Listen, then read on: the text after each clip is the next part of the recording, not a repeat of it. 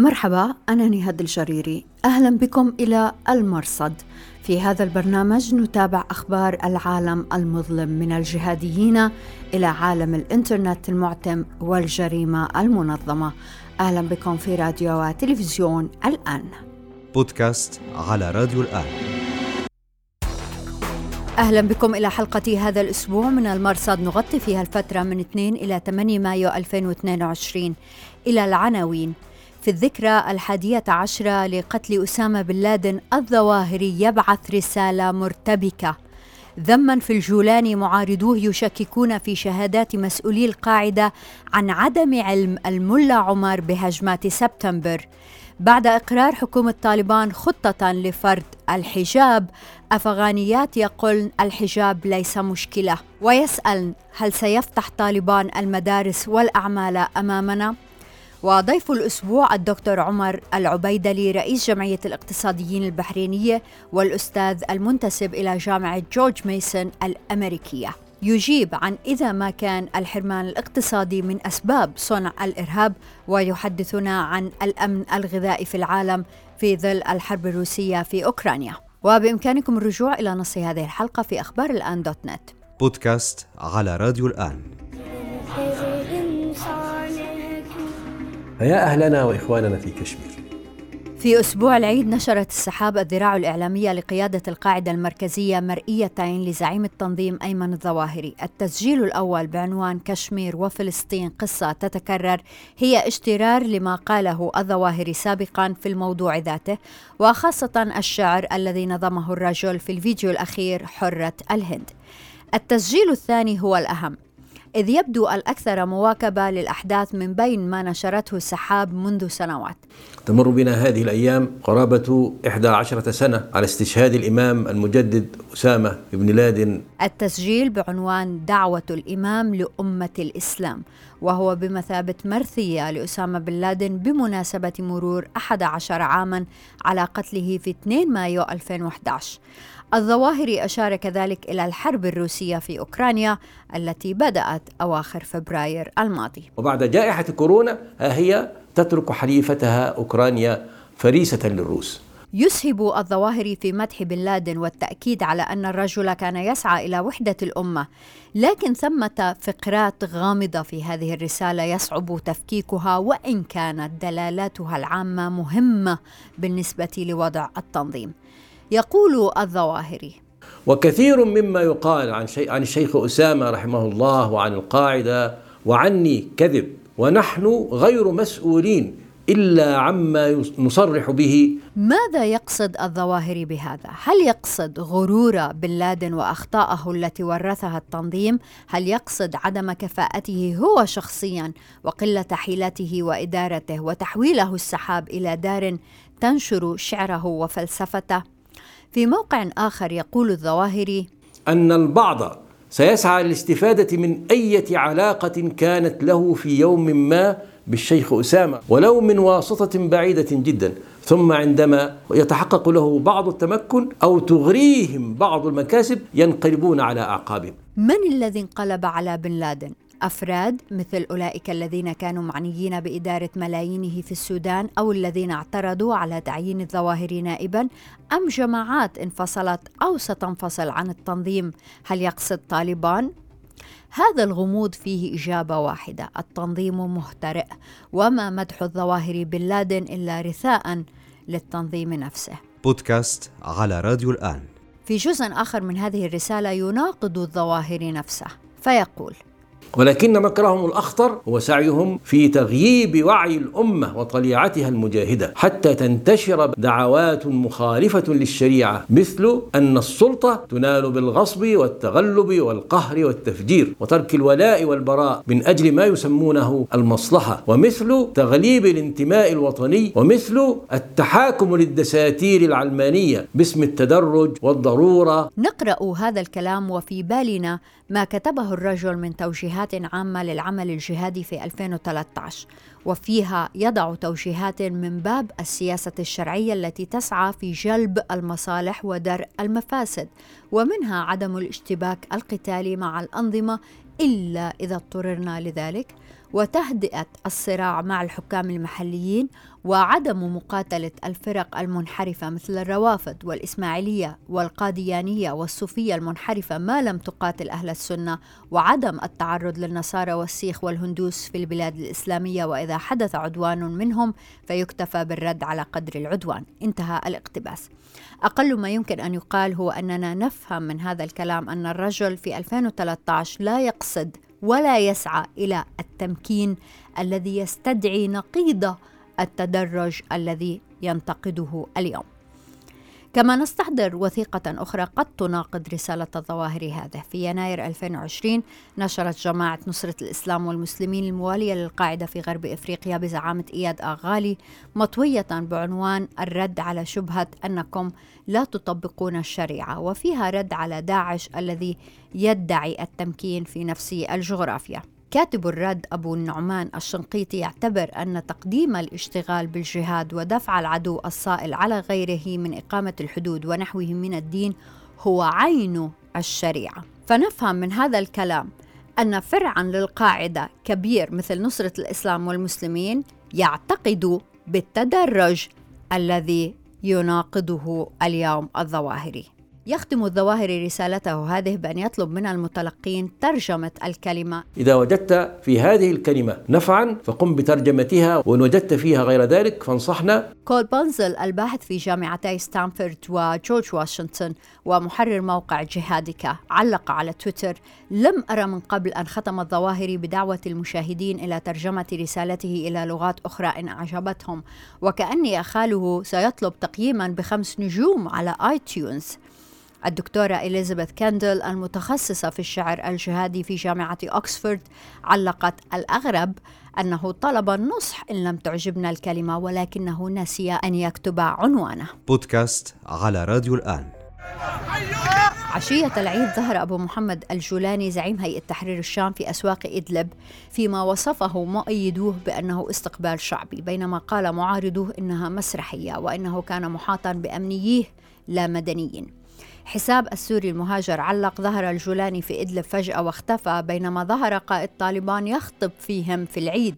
في إشارة إلى صلاة العيد في كابل التي قيل إن زعيم طالبان هيبة الله أخ زادة قادها.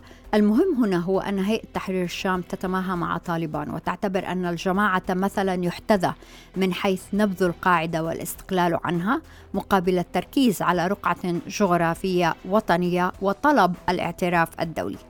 معارضو الهيئة يعتبرون أن البون شاسع بين الجماعتين من حيث أن طالبان التزمت بالجهاد وإن ظل محليا.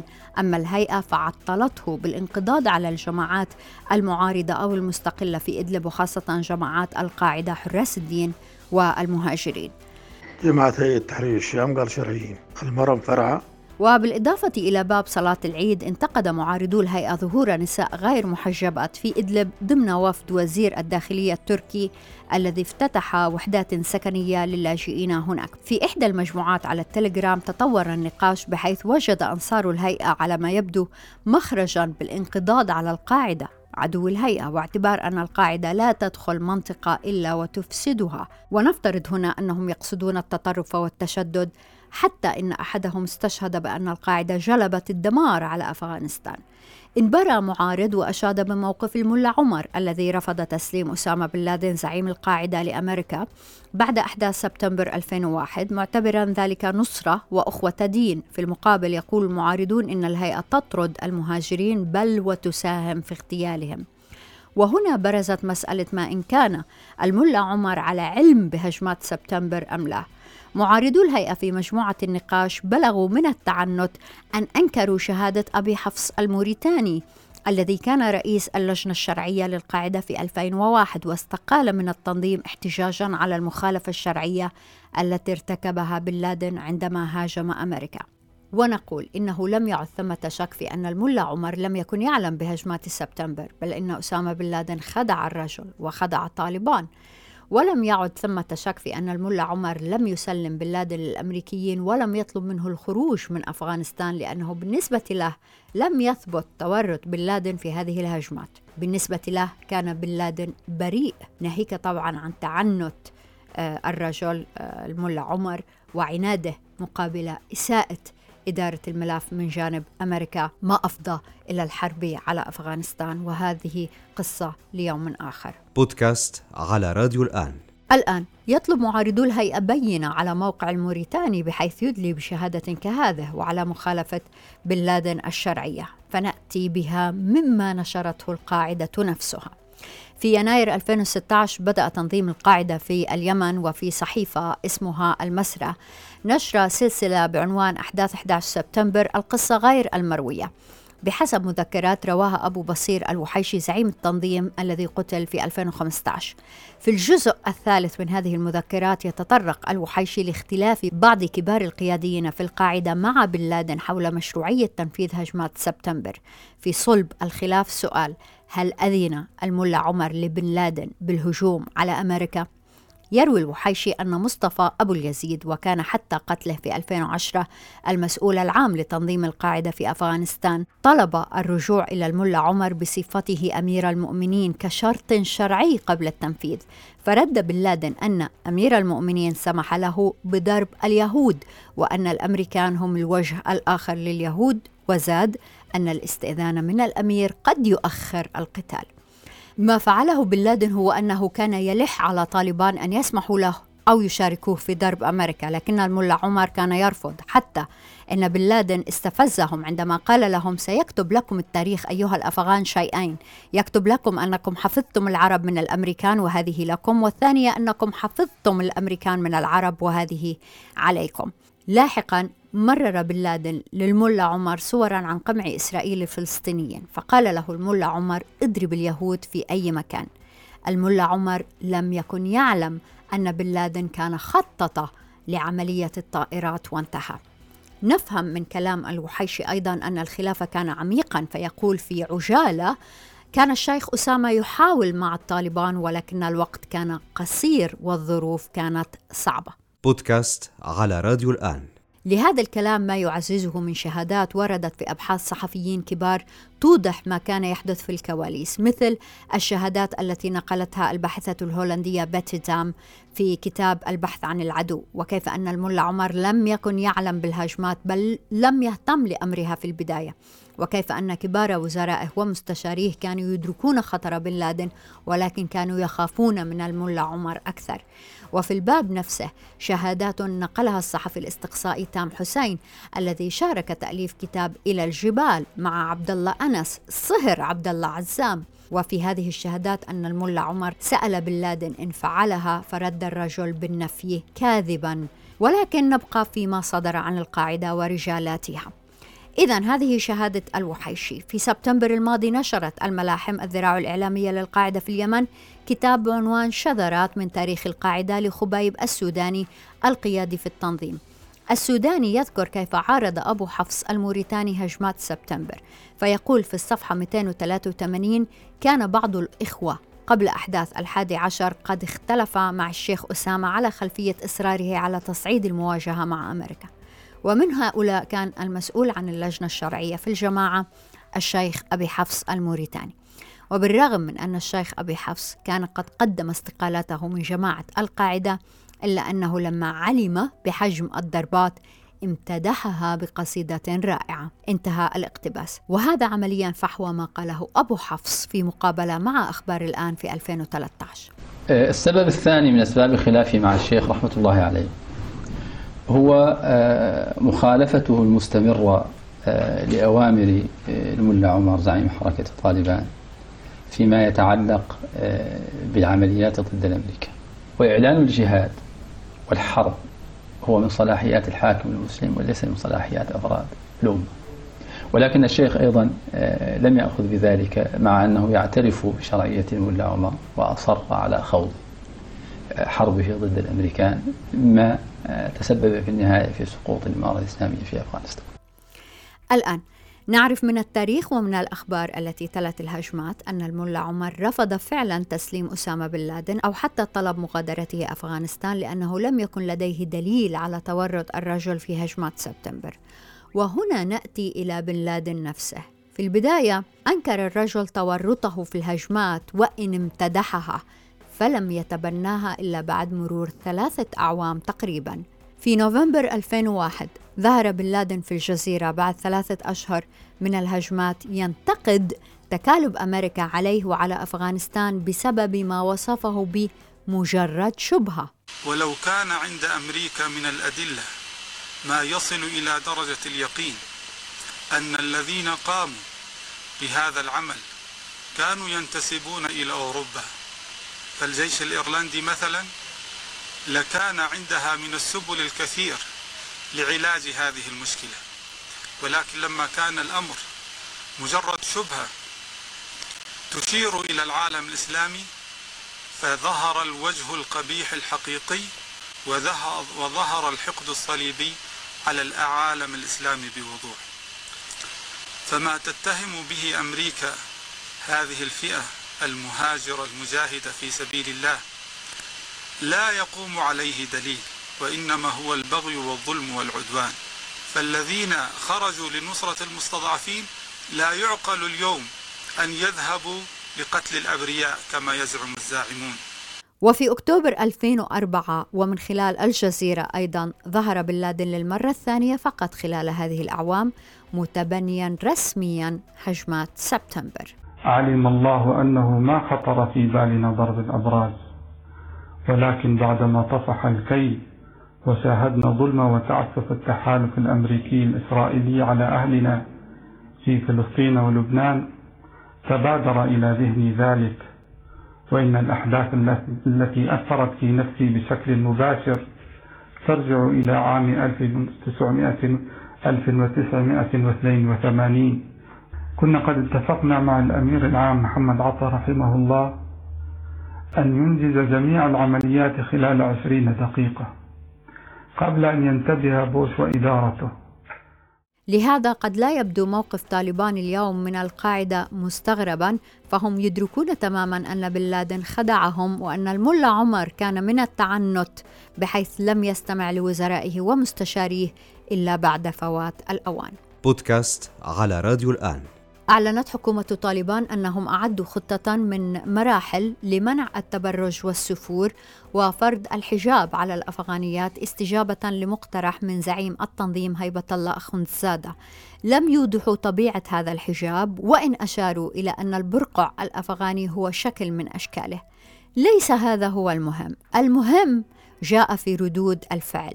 فكتبت الحقوقية الأفغانية فروغ فاجما أن الحجاب ليس هو المشكلة، المشكلة هي كرامتنا وحقوقنا كبشر، لا بأس نلبس البرقع ولكن هل سنعمل؟ هل سندرس أو نشارك في الحكومة؟ الصحفي أمين باشا كتب: أمهاتنا وأخواتنا يلبسن الحجاب دائما، الحجاب ليس أولوية، الأولوية هي لفتح المدارس للبنات والسماح للنساء بالعمل ومكافحة الفقر والجوع. بودكاست على راديو الآن أهلا بكم دائما في راديو وتلفزيون الآن. نستضيف هذا الأسبوع الدكتور عمر العبيدلي رئيس جمعية الاقتصاديين البحرينية والأستاذ المنتسب إلى جامعة جورج ميسون الأمريكية للدكتور العبيدلي دراسات مهمة منشورة باللغتين العربية والإنجليزية في الاقتصاد الاجتماعي والتجارة الدولية والطاقة. أهلا وسهلا فيك دكتور عبيدلي. أهلا وسهلا. دكتور عبيدة اللي كتبت بحث بعنوان هل الحرمان الاقتصادي من أسباب صنع الإرهاب الحقيقة نتطرق في هذا البرنامج إلى هذا السؤال كثيرا لكن نجد أن شخص مثل أسامة بن لادن كان مليونير في المقابل نجد آخرين يلجؤون للانضمام للجماعات الإرهابية بسبب وضعهم الاقتصادي المتردي المنسوب غالبا إلى سياسات حكومية ماذا وجد الدكتور في هذا البحث؟ هل الحرمان الاقتصادي من أسباب صنع الإرهاب؟ يعني حقيقة آه، آه، لا توجد إجابة آه، يعني موجزة أو بسيطة لسؤالك. أجريت بحوث كثيرة خصوصا بعد عام أحداث 2001 حول موضوع مسببات الإرهاب.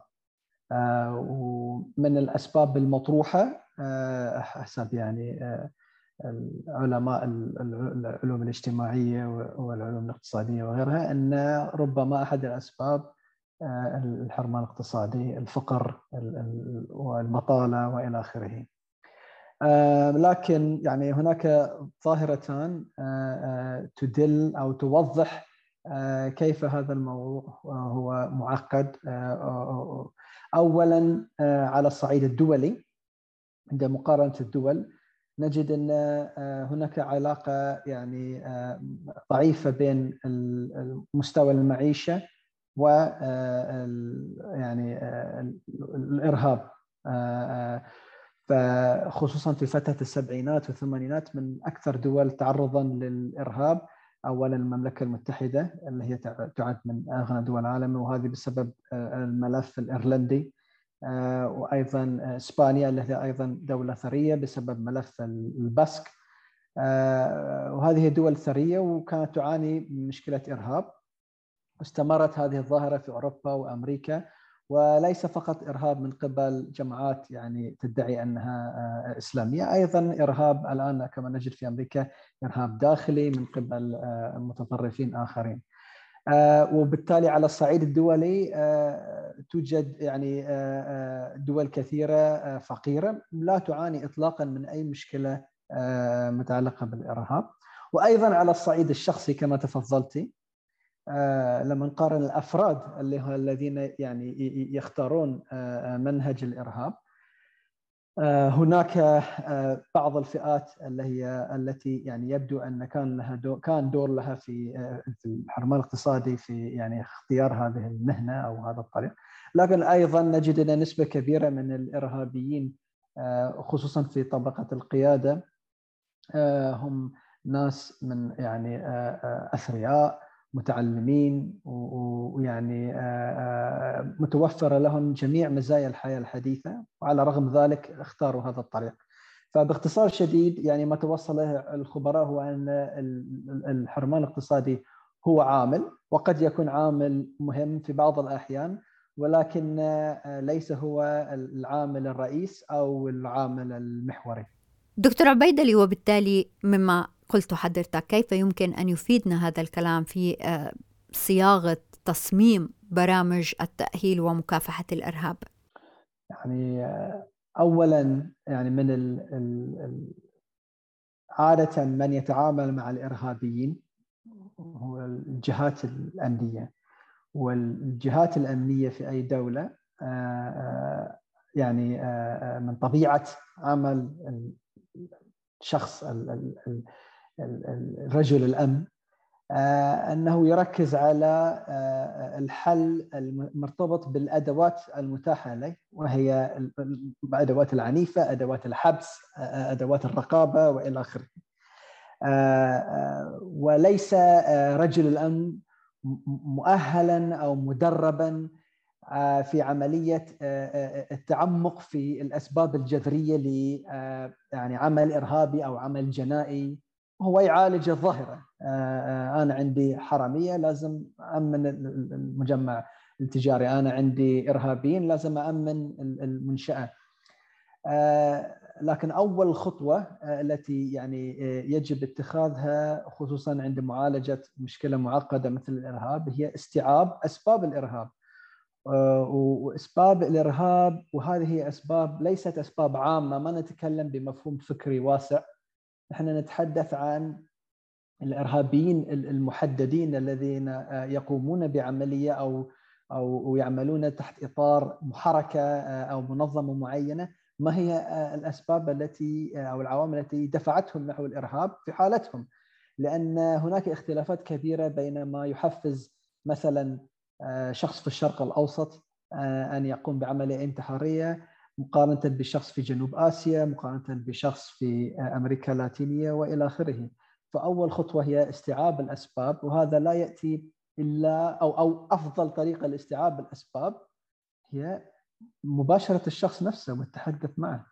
آه، من أهم البحوث التي أجريت حول أسباب الإرهاب وسبل معالجة الإرهاب انطلقت من إجراء مقابلات شخصية معمقة مع إرهابيين تم اعتقالهم آه، آه، آه، تم يعني إيقافهم وهم يعني تحت الرقابة أو أو مسجونين وسمحت الجهات الأمنية لفريق من علماء العلوم الاجتماعية وعلماء العلوم النفسية ل يعني التحدث معهم بصراحة وبأريحية وهكذا الواحد يكتشف هل هناك دور للحرمان الاقتصادي؟ هل هناك دور للشعور بالظلم؟ هل هل هل المشكلة هي مجرد يعني إن معلومات غير صحيحة حول حول أسباب مشكلة يواجهونها وإلى آخره وبالتالي يعني تشخيص المشكلة الخاصة بالإرهاب الذي تواجه جهة ما ومن ثم يمكن الواحد يحط حلول مفصلة على هذه الحالة الخاصة. دكتور في موضوع آخر الحرب الروسية في أوكرانيا تدخل شهرها الثالث. كتبت حضرتك كثير عن أثر التجارة العالمي في الأمن الغذائي. في الشهرين الأخيرين كثر الحديث عن الأمن الغذائي على مستوى العالم والدول بسبب هذه الحرب وتعطل آه، إمدادات القمح. إلى أي درجة المغامرة الروسية في أوكرانيا بتهدد حياتنا نحن خارج الجغرافيا الأوروبية؟ آه يعني الموضوع يعني معقد جدا وإلى الآن آه، ما في استيعاب كامل آه، للتداعيات على المدى الطويل لهذه المغامرة خصوصا لأنها قد تستمر قد تنتهي في أسبوع قد تستمر لمدة ثلاث أو أربع سنوات قد لا تنتهي. آه، هناك دول يعني تأثرت بشكل كبير وأيضا بشكل مباشر كمصر لأنها يعني فرضا مصر أعتقد 80% من وارداتها الغذائية أو القمح تأتي من أما أوكرانيا أو أو روسيا. بينما في دول أخرى مثلا دول الخليجيه اللي هي لا تعتمد على آه، آه، صادرات تلك الدول لكنها تأثرت بشكل غير مباشر بسبب اولا التوترات آه، في الأجواء السياسية والاقتصاديه عالميا. وثانيا الارتفاع العام في أسعار السلع آه، آه، آه، اللي مرتبط ب يعني عرقلة سلاسل الإنتاج وهي أيضا تعود جزئيا إلى إلى هذه المشكلة. مثلا الدول المستوردة للنفط كالأردن أو كلبنان متأثرة بشكل كبير من ارتفاع أسعار النفط الذي سببه وأحد أهم أسبابه هو الحظر أو شبه الحظر على آه، صادرات النفط الروسية. آه، فهذا أثر يعني شبه مباشر للأزمة على دول المنطقة. وعلى المدى الطويل يعني ما نراه هو نوع من تفكك في سلاسل الإمدادات ويعني انعكاس آه، آه، آه، تيار العولمة. إحنا كنا من عام 1990 إلى 2008 تقريبا حوالي 20 سنة في عصر ذهبي للعولمة والتزايد في التكامل الاقتصادي الدولي. من بعد 2008 إلى تقريبا 2015 2016 وصلنا إلى حالة يعني ثبات في العولمة. والآن مع كورونا وأيضا مع هذه الأزمة الجديدة يمكن آه، الذي آه، سنراه آه، يعني تراجع في العولمة. وهذا بيكون لك أثر كبير على المدى الطويل للدول العربية لأن الدول العربية للأسف يعني إنتاجها المحلي ضعيف ومعتمدة على التجارة الدولية سواء الصادرات أو الواردات يعني الحفاظ على مستوى المعيشة إن كان عاليا أو أو أو منخفضا. فكل هذه الأشياء بتتأثر. لكن هناك لا تزال يعني آه، علامة استفهام كبيرة حول آه، يعني آه، إلى أي مدى تستمر الحرب وهل هي أيضا ستضم دول أخرى. هناك يعني من يتصور هناك محللون يقولون أن روسيا تتوسع إطار المغامرة إلى دول مجاورة. وإن حصل ذلك يعني حجم المشكلة سيكبر ويكبر وبالتالي سوف نتضرر أكثر دكتور عبيدلي نحن الشعوب المتأثرة بهذا النقص هل عندنا خطة في الأفق لتأمين هذا الغذاء؟ هي دول يعني هي طبعا يعتمد على الدولة لكن كل الدول العربية عموما وعت عن أهمية الأمن الغذائي حتى من قبل آه، جائحة كورونا بسبب آه، التوترات آه، التي ظهرت آه، بعد ما أمريكا فرضت التعاريف على آه، الصادرات الصينية في 2017 وبدأت الحرب التجارية الأمريكية الصينية. فاستشعرت جميع الدول العربية أن أن يعني إحنا بندخل عصر آه، يعني خطير. في ما يخص العولمة والقدرة على الاعتماد على سلاسل الإمدادات الدولية سواء في المجال المواد الغذائية أو غيرها. آه، فهناك بالتالي خطط قائمة وجائحة كورونا يعني أكدت أهمية هذه الخطط وتسببت في يعني ارتقاء لهذه الخطط. والآن ما نراه يعني أدى إلى المزيد من ذلك. طبعا في تفاوت حسب الدولة هناك دول كالإمارات العربية المتحدة اللي هي جدا متقدمة في مجال الأمن الغذائي عندها وزارة متخصصة في هذا الموضوع متفرغة لهذه المهمة. هناك دول أخرى سواء لأسباب يعني نقص الموارد أو غيرها ما تمكنت من وضع خطط متكاملة وشاملة لكن يعني حسب ما ما نراه تقريبا كل الحكومات العربية واعية عن أهمية هذا الموضوع وهي تسير نحو يعني معالجته دكتور عبيدلي من متابعة حسابك على تويتر واضح اهتمامك بالاستحواذ الأخير لإيلون ماسك على تويتر وأنت اقتصادي بتدرس الاقتصاد بأبعاده الاجتماعية. إيلون ماسك يريد أن يلغي الضوابط التي تحكم النشر بيعتبرها مقيدة لحرية التعبير إلى أي درجة ثمة خشية في العالم من الخلط بين التحريض على الإرهاب وحرية التعبير. يعني أولا أعتقد إحنا نقدر نقول أن أغلبية الناس المعترضين على استحواذ ماسك على تويتر مش مهتمين مو بخايفين من الإرهاب. هم ناس خايفين هم يعتبرون إنهم يمثلون فئات مهمشة سواء اجتماعيا سياسيا اقتصاديا إلى آخره وإن هذه الفئات يشعرون إنها مهددة مهمشة مهددة في الساحة العامة من ناحية الألفاظ والسلوكيات. وإن هي تمكنت من خلال وسائل التواصل الاجتماعي والقيود على حرية التعبير أن تخلق نوع من يعني منطقة آمنة في الفضاء الإلكتروني. تسمح لهم للتعبير عن آرائهم وتحقيق مصالحهم. ويشعرون أن إيلون ماسك بيلغي يعني هذه المكتسبات التي يعني حصلوا عليها. على سبيل المثال نأخذ موضوع المرأة. المرأة في كل أنحاء العالم عانت على مدى القرون من تحرش جنسي اغتصاب وغيرها من انتهاكات في حقوقها. وتنعكس هذه الانتهاكات أو تتمثل أحيانا في تحرش لفظي يعني عبر وسائل التواصل الاجتماعي.